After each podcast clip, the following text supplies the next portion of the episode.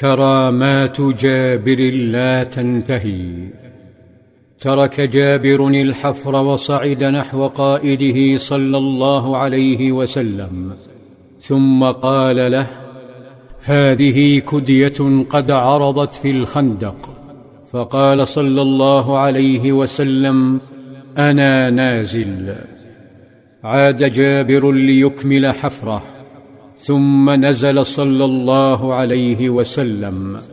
فرش الصحابة ماء على الكدية فقام صلى الله عليه وسلم وبطنه معصوبة بحجر فأخذ المعول ثم قال بسم الله بسم الله بسم الله.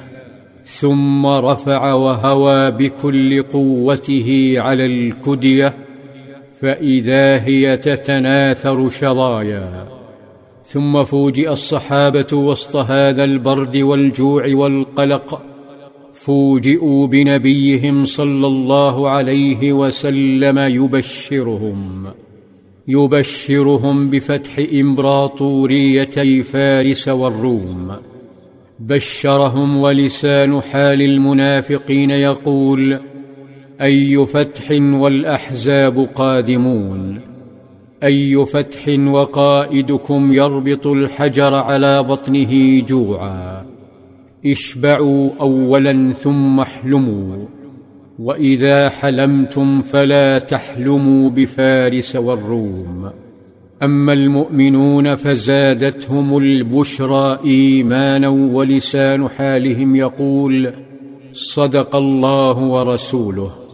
وأما جابر فأوجعته تقاسيم الجوع على نبيه نبيه الذي طالما حدب عليه وواساه وصار له الأب بعد أبيه فقال يا رسول الله ائذن لي. فأذن له فانطلق الفتى عبر شوارع المدينة التي يجوبها البرد والجوع والترقب.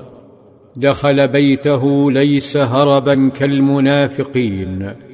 نادى زوجته وقد تغير وجهه حزنا فقال ثكلتك أمك.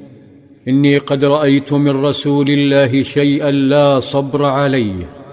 رأيت برسول الله خمصا شديدا أي جوعا. فما عندك؟ تألمت الطيبة فقالت عندي صاع من شعير وعناق. ذكى جابر عناقه وقطع لحمها مع أخواته ثم وضعوها في قدر يسمونه البرمة.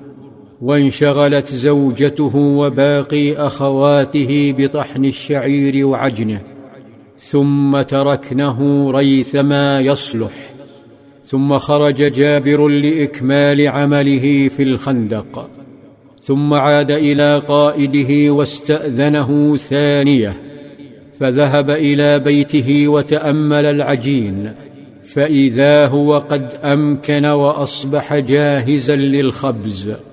ثم وضع ثلاثة أحجار يسمونها الأثافي وأشعل بينها النار ووضع القدر عليها وقبل أن يخرج طلب من زوجته أن تخبز فأوقفته ورجته أن يقلل عدد المدعوين قائله لا تفضحني برسول الله وبمن معه.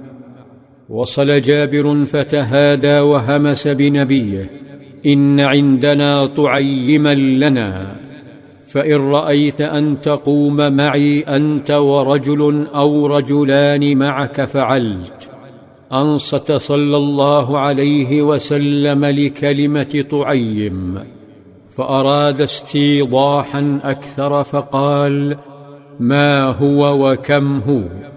قال صاع من شعير وعناق. هنا نطق صلى الله عليه وسلم وحيا فقال ارجع إلى أهلك فقل لها لا تنزع البرمة من الاثافي ولا تخرج الخبز من التنور.